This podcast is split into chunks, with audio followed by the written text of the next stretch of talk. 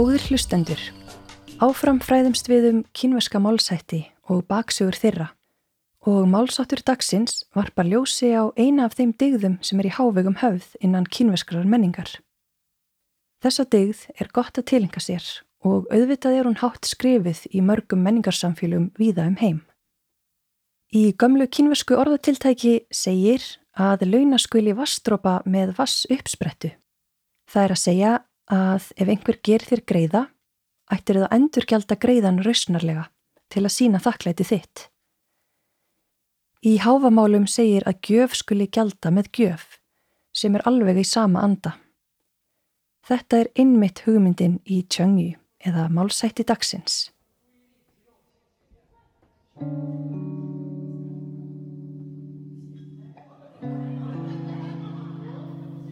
Ég heiti Þorgerður Anna Björnsdóttir og þú ert að hlusta á hlaðvarpið í Östurvegi.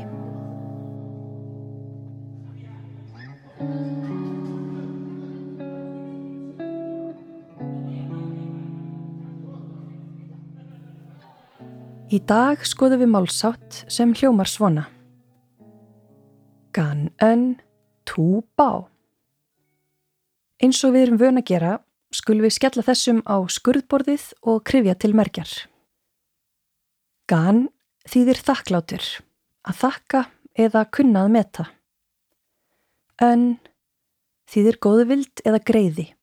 Svo saman er gan ön að vera þakklátur fyrir góðvild eða kunnað meta greiða. Á kínversku er þakkargerðarháttíðin eða Thanksgiving einmitt kölluð gan ön háttíðin. Tú, í þessu tilfelli, merkir að ætla sér að gera eitthvað, að plana eitthvað. Og bá þýðir að endurgelda. Tú bá, að ætla sér að endurgelda. Útkoman saman í röð verður því þakklátur greiða, ætla sér að endurgelda. Nokkuð auglust bara, en hver er sagan á bakvið þetta? Það er nú kjarni málsins með þessum þáttum. Hvernig lendu þessi fjögur tákn saman í málsætti? Jú, það er sko saga að segja frá því og enn á ný er sögun að finna í hinnum virðulegu Shiji eða skrám stórsakfræðingsins, meistarverki Sima Tjen frá tímum Han keisarveldisins. Sagadagsins er frá vor og haust tímabilinu. Tímabili í sögu Östur Jó veldisins sem stóð rétt áður en tímabil hinn að stríðandi ríkja hófst.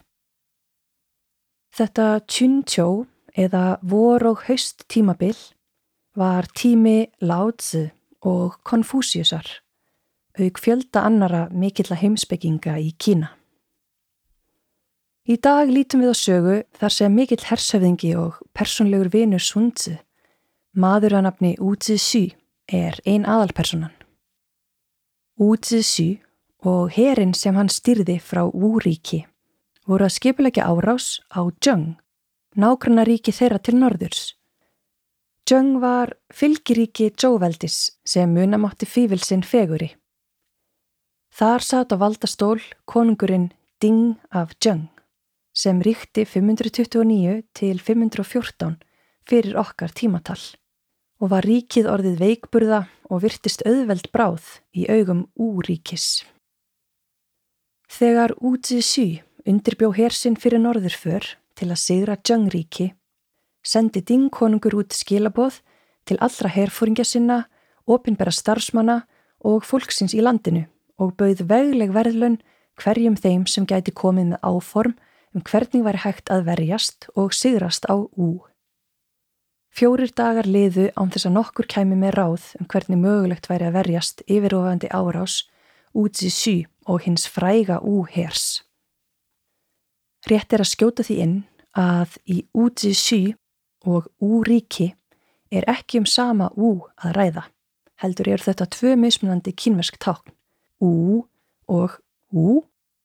Allavega, Ding konungur var farin að svitna verulega þegar Wu-herin hóf ferð sína norður á bógin, tilbúin til bardaga. Á þessari ögur stundu gekk venjulegur sjómaður inn í höllina með ár úr báti sínum í hönd. Bátin hafðan ert eftir föður sinn sem var líka sjóari. Konungurinn og ráðgjafar hans litu fullir evasemda á unga sjómanin en hlustuð á hann. Konungurinn spurði hvað hann þyrti mikið af vopnum, vögnum og mönnum til að takast á við ofinnina. Ungi maðurinn svaraði, ég þarnast einskis frá þér. Ég mun kljást við úherinn sjálfur með þessa einu ár mér í hendi. Konungurinn og ráðgjafar hans voru langt í frá sannfærðir en sögðu við unga sjómaninn, allt í lægi ungi maður, farðu og rettaði þessu og þér verður ríkulega launað afreikið. Konungur og ráðgjafar hans höfðu hvortið var engin önnur bjargráð, svo þeir höfðu engu að tapa þótt þetta liti ekki vel út. Ungi sjómaðurinn gekk rólega af stað söður á bógin með árina í hendi sér til þess að mæta hér útsið sjú. Hann kom loks að herbúðunum, dró andan djúft, sapnaði kjarki og gekk rakleðis að miðju herbúðana. Hann hóf upp raust sína og söng háum rómi. Þú sem faldir þig í reyrnum, þú sem faldir þig í reyrnum, mannstu hver bjargaði þér þegar þú varst að drukna í ánni með karlsvagnin útskorinn á líkama þínum, sverði þínu var skilað til þín, mannst eftir sjómaninum sem bjargaði lífið þínu. Útsið sý heyrði þetta úr tjaldi sínu og æstist upp. Hver er þarna úti á ferð? Færi mér hann. Hermennir fylgdu sjómaninum inn í tjald útsið sý, þar sem hann staðnæmdist frammi fyrir herfóringjanum, en haldandi á árenni sinni. Hvað er þú að vilja hingað? spurði úti sí. Kanski þú þekkir þessa ár, ú hersaðingi, saði sjóarinn og hjælt áfram. Fadir minn var sjómaður fyrir mína tíð og notaði þessa ár við sín störf. Hann bjargaði líka eitt sinn lífið þínu með þessari ár. Úti sí táraðist þegar hann áttaði sig á því að þetta var vissulega árin sem fyrir fjölmörgum árum síðan hafiði veitt honum lífsbjörgina í hendi sjómanns þegar hann næstum druknaði við að þvera á. Hann hafði alltaf langað að endurgjálta sjómaninum góðvildina en ekki haft tækifæri til þess öll þessi ár. Sjómaðurinn ungi sæði Við í Jung sætum árás af ykkar hendi, lífum okkar og lifibröði er oknað. Konungurinn bauð verlaun þeim sem gæti stöðvað framgang ykkar, svo ég er hér komin frammi fyrir þér til að byggja þig að minnast góðverksins sem fadir minn vann þegar hann bjargaði lífið þínu. Úti í sú myndi auðvitað vel eftir þessu þótt langur tími væri liðin og sjómaðurinn hjælt enn áfram. Ég bygg þig af mestu auðmíkt að íhuga að hætta við að hertaka Jung og láta okkur í friði fyrir sakir góðverksins sem fadir minn gerði þér fyrir mörgum árum síðan. Úti í sú sagði með tárin rennandi niður vanga. Ef ekki væri fyrir föður þinn, hefði ég dáið þennan dag fyrir löngu síðan. En ég hef lifað innihaldsríku lífi og náð hárri stöðu.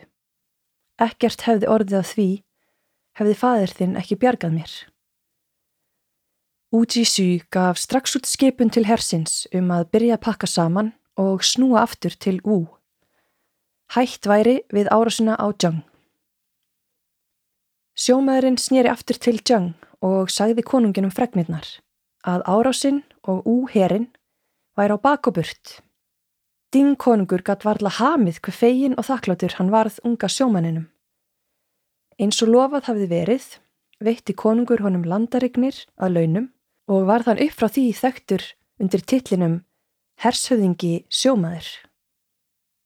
Svo eins og Suma Tjenn rítar í frásögn hans af hinnu forna úríki þá síndi út í sí þarna Gan Ön Tú Bá í verki. Hann myndist góðvildarinnar sem honum hafði verið sínd og var staðræðin í að endurgjálta hana einn daginn.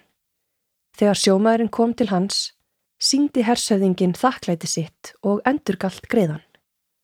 Að gera það ekki hefði gjörbreytt sögunni og raunar er annar málsattur til sem lýsir því hvernig einhver launar greiða með því að stinga mann í bakið. Þetta tjöngi getur við öll tilengað okkur. Gan en tú bá. Málsáttur dagsins. Ef einhver reynist þér vel, ekki klikka á tú bá að endurgjálta greiðan.